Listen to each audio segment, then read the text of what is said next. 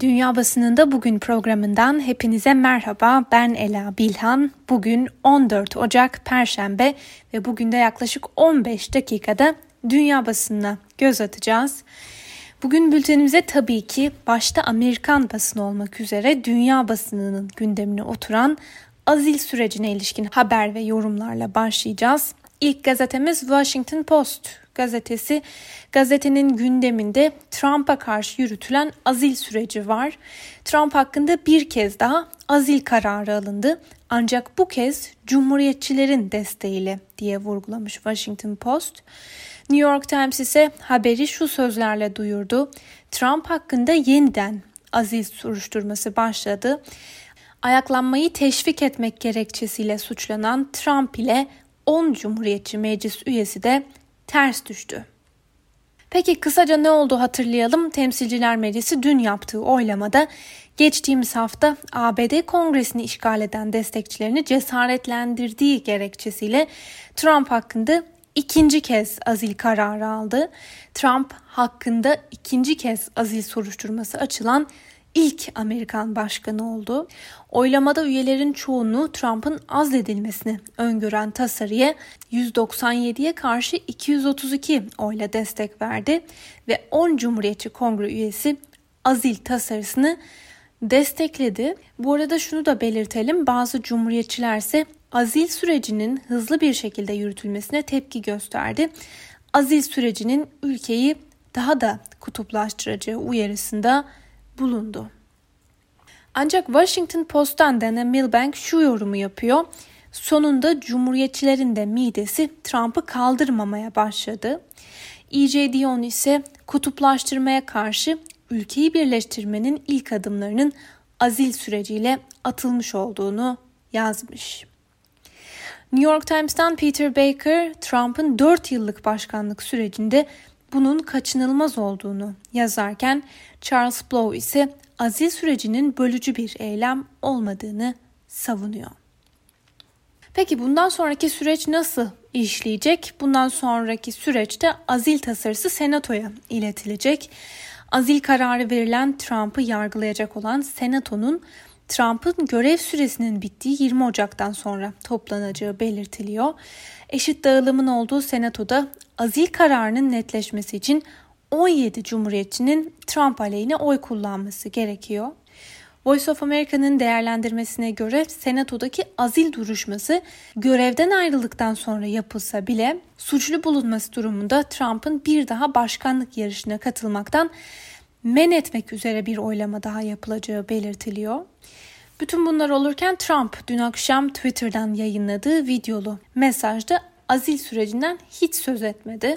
Trump 20 Ocak'ta iktidarın devrinin güven içinde ve olaysız yaşanması için gerekli tüm önlemlerin alındığını söyledi ve şiddetten uzak durun çağrısı yaptı. Yayınladığı konuşmasının bir kısmını dinleyelim sonra hızlıca toparlayalım. I want to be very clear. I unequivocally condemn the violence that we saw last week. Violence and vandalism have absolutely no place in our country and no place in our movement.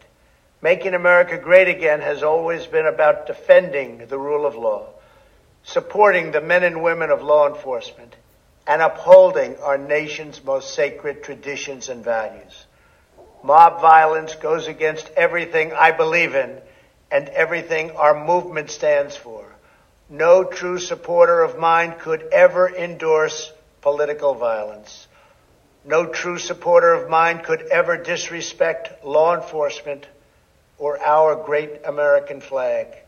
No true supporter of mine could ever threaten or harass their fellow Americans. If you do any of these things, you are not supporting our movement, you are attacking it, and you are attacking our country. We cannot tolerate it. Çok açık olmak istiyorum. Geçen hafta tanık olduğumuz şiddeti tartışmasız şekilde kınıyorum. Şiddet ve vandalizmin ülkemizde ve hareketimizde kesinlikle yeri yoktur. Amerika'yı yeniden güçlü yapmak demek her zaman yasaların üstünlüğünü savunmak, güvenlik birimlerinde çalışanları desteklemek ve ülkemizin kutsal değerlerini ve geleneklerini devam etmek demek oldu.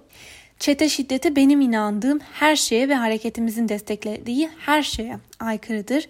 Benim gerçek destekçilerim hiçbir zaman siyasi şiddeti desteklemez, güvenlik birimlerine ya da büyük Amerikan bayrağına saygısızlık etmez, diğer Amerikalılara zarar vermez ya da onları tehdit etmez.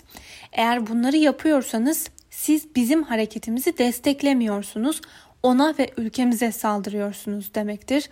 Buna hoşgörü gösteremeyiz.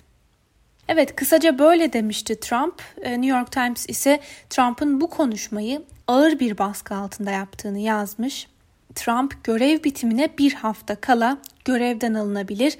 Dahası suçlu bulunması halinde siyasi arenadan diskalifiye edilebilir ve 2024 seçimlerinde bir kez daha aday olamaz. Washington Post'tan Philip Rucker'ın analiziyle devam edelim.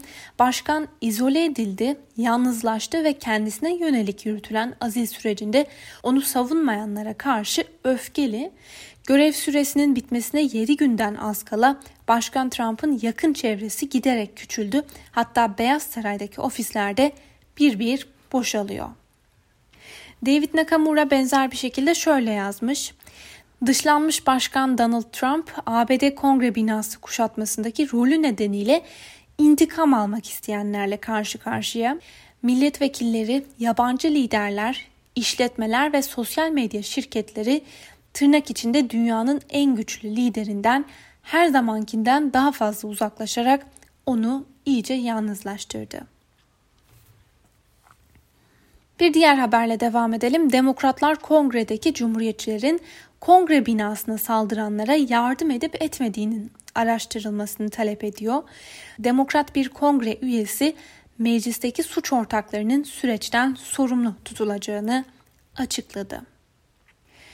Amerikan basınından aktardığımız bu haber ve yorumların ardından azil sürecinin Amerikan basını dışındaki yankılarına da kısaca göz atalım ve kalan süremizde de ülkelerin kendi gündemleriyle devam edeceğiz.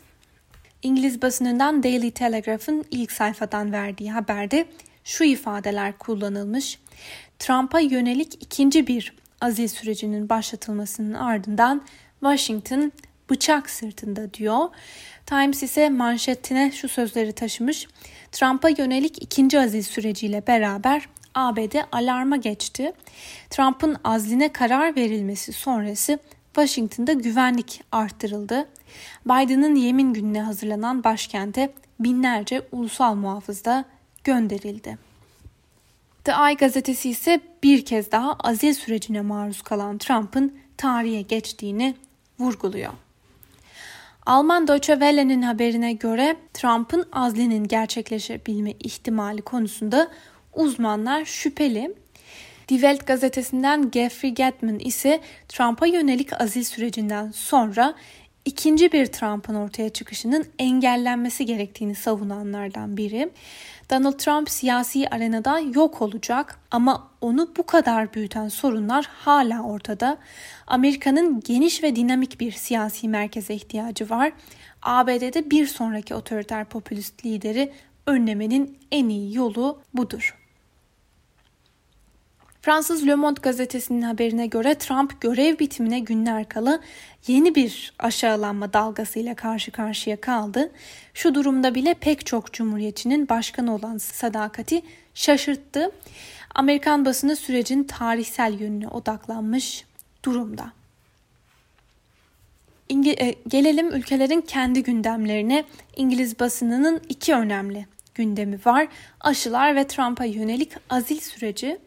Daily Telegraph'ın manşetinde şu sözler var. Başbakan aşı dağıtımının artırılacağını sözünü verdi. Hükümetin taahhüt ettiği aşılama miktarının yerine getirilemeyeceğinin tartışmalara yol açmasının ardından Başbakan Boris Johnson süreci aşılama operasyonunu hızlandırma sözü verdi. The Guardian'ın manşetine göz atalım. Covid ölümleri açısından Britanya'nın en kötü günü son 24 saatte 1564 kişi hayatını kaybetti. Eldeki mevcut veriler İngiltere'de salgın nedeniyle hayatını kaybedenlerin sayısının 100 bine yükselebileceğinin sinyalini veriyor. Boris Johnson ise salgın nedeniyle yoğun bakım ünitelerinin çok büyük bir risk altında olduğunu açıkladı. Dün Alman basınına değinirken hükümetin 31 Ocak'ta kaldırılması planlanan önlemleri kaldırmaya niyetli olmadığını söylemiştik. Son olarak Alman Sağlık Bakanı Jens Spahn'dan bir açıklama geldi. Spahn pandemi kısıtlamalarının Şubat ayında da yürürlükte kalmasının gerekli olduğunu söyledi. 31 Ocak tarihine kadar geçerli olacak olan kısıtlamaların nasıl devam edeceğine 25 Ocak tarihinde yine Merkel'in eyalet başbakanları ile yapacağı toplantıda karar verilecek. Alman basınının son günlerde çok önemli bir gündemi daha var. Merkel yaklaşık 16 yıldır yürüttüğü Almanya Başbakanlığı görevini Eylül ayında bırakacak. 28 Eylül'de Merkel'in yerine kimin başbakan olacağını belirleyecek federal seçimlerde CDU'nun adayının kim olacağı bu cumartesi günü belli olacak. Parti tabanında yarışın favorisi olarak şu anda milyarder avukat Friedrich Merz görülüyor. Tartışmalı bir figür olarak görülen Merz'in ılımlı seçmenleri daha sol partilere itmesi ihtimali de tartışmaları beraberinde getirdi. Fransa'nın gündemlerinden biri üçüncü kez gündemde olan ve son günlerde bu yönde bir karar verileceğinin sinyallerini veren hükümet, Le Figaro'nun haberine göre artan vakalar ve başarısız aşılama operasyonu nedeniyle eleştirilere maruz kalan Fransa hükümeti bu kez de yeniden sıkı kısıtlamalara dönme baskısıyla karşı karşıya. İtalya'da hükümet krizi İtalya'nın önemli gündemi. İtalya'da koalisyonun küçük ortağının iki bakanını çekeceğini açıklaması üzerine Giuseppe Conte liderliğindeki merkez sol hükümeti dağılma noktasına geldi. Böylece bağımsız başbakan Giuseppe Conte liderliğindeki hükümet parlamentodaki çoğunluğunu da kaybetmiş oldu. Conte'nin bir süredir muhtemelen bir e, dağılma ihtimalini göz önünde bulundurup son haftalarda diğer partilerle yoğun müzakerelerde bulunduğu belirtiliyor. Sürecin erken seçimleri getirip getirmeyeceği belirsizliğini korurken İtalyan basını Conte'nin erken seçimlere sıcak bakmadığını söylüyor. Öte yandan İtalya'da son yılların en kapsamlı mafya davası da dün başlamıştı. 52 ülkede faaliyet gösteren Rangheta mafyasına mensup olmakla suçlanan 350'den fazla kişi hakim karşısına çıktı. Euronews'un bir haberiyle devam ediyoruz. Belçika'da siyah gencin gözaltında ölmesini protesto eden eylemciler karakolu ateşe verdi. Dün akşam Brüksel'in kuzeyindeki bir karakol yakınında toplanan yüzlerce kişi İbrahima Berry adlı 23 yaşındaki gencin cumartesi gecesi gözaltındayken ölmesi üzerine polisi protesto etti. Siyahların hayatı önemlidir. İbrahim'a için adalet ve katil polis gibi sloganlar atan göstericilerin bir bölümünün polise taş atması üzerine olaylar büyüdü. Estonya Başbakanı Yuri Ratas, Merkez Partisi'nin bir emlak geliştirme şirketine bağlı yolsuzluktan soruşturma altına alınması sonrasında istifa ettiğini açıkladı. İstifasıyla ülkenin aşırı sağcı bir partiyi de içeren Merkez Sağ Koalisyon hükümeti devrildi ancak seçimlerin olası olmadığı da belirtiliyor. Dünden bu yana konuşulan bir diğer haberle devam edelim. Navalny tehditlere rağmen ülkesine dönüyor. Rus muhalif lider Alexei Navalny geçtiğimiz yıl Ağustos ayında zehirlenmesinin ardından tedavi görmek için gittiği Almanya'dan ülkesi Rusya'ya 17 Ocak'ta geri döneceğini açıkladı. Rus yönetimi ise Navalny'yi Rusya'ya döndüğünde yeniden cezaevine gönderme tehditlerini sürdürüyor. Rus basınından Moscow Times'in yorumuna göre Navalny Rusya'daki son döneminde iktidar için giderek daha büyük bir tehdit oluşturmaya başlamıştı. Öyle ki onu öldürmeye bile teşebbüs edildi. Navalny iktidarla yüzleşmek üzere Rusya'ya dönüyor. Kimin karlı çıkacağını zaman gösterecek. Ve Moscow Times'ın bir diğer haberine göre Rusya Devlet Başkanı Vladimir Putin, Rusya'da üretilen Sputnik 5 aşısının dünyadaki en iyi aşı olduğunu savundu ve haftaya aşılamanın sürmesi için toplu aşı siparişi verildiğini de açıkladı. İsrail dün Suriye'nin doğusundaki silah depolarını ve askeri mevzileri vurdu. Suriye İnsan Hakları Gözlemevi saldırıda hayatını kaybedenlerin sayısının %40'a yükseldiğini açıkladı. Bir diğer haberle devam edelim. Kuveyt'te geçtiğimiz ay yapılan genel seçimlerin ardından yeni hükümet 14 Aralık 2020'de göreve başlamıştı. Kuveyt resmi ajansı Kuna'nın haberine göre Kuveyt Başbakanı Sabah Kuveyt Emiri Nevaf'a istifasını sundu ve bu istifa kabul edildi. Ve son iki haberimiz El Cezire'nin haberine göre Umman'da yeni bir yasayla veraset sistemiyle tahta geçmenin şart koşulmasından sonra Umman Kralı Haytman bin Tarik'in en büyük oğlu Diyazan bin Haytam ülkenin ilk veliaht prensi oldu.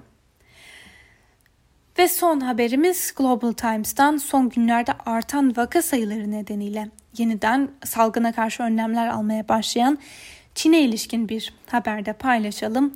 Global Times'in haberine göre 2020 yılı içerisinde Çin'in dış ihracat hacmi %1.9 oranında artarken ihracat oranı ise %4 oranında arttı. İthalat oranı ise %0.7 oranında düştü. Sevgili Özgürüz Radyo dinleyicileri, Çin basınından aktardığımız bu haberle birlikte bugünkü programımızın da sonuna geldik. Gelişmeler doğrultusunda yarın aynı saatte yeniden sizlerle olacağız. Şimdilik hoşçakalın.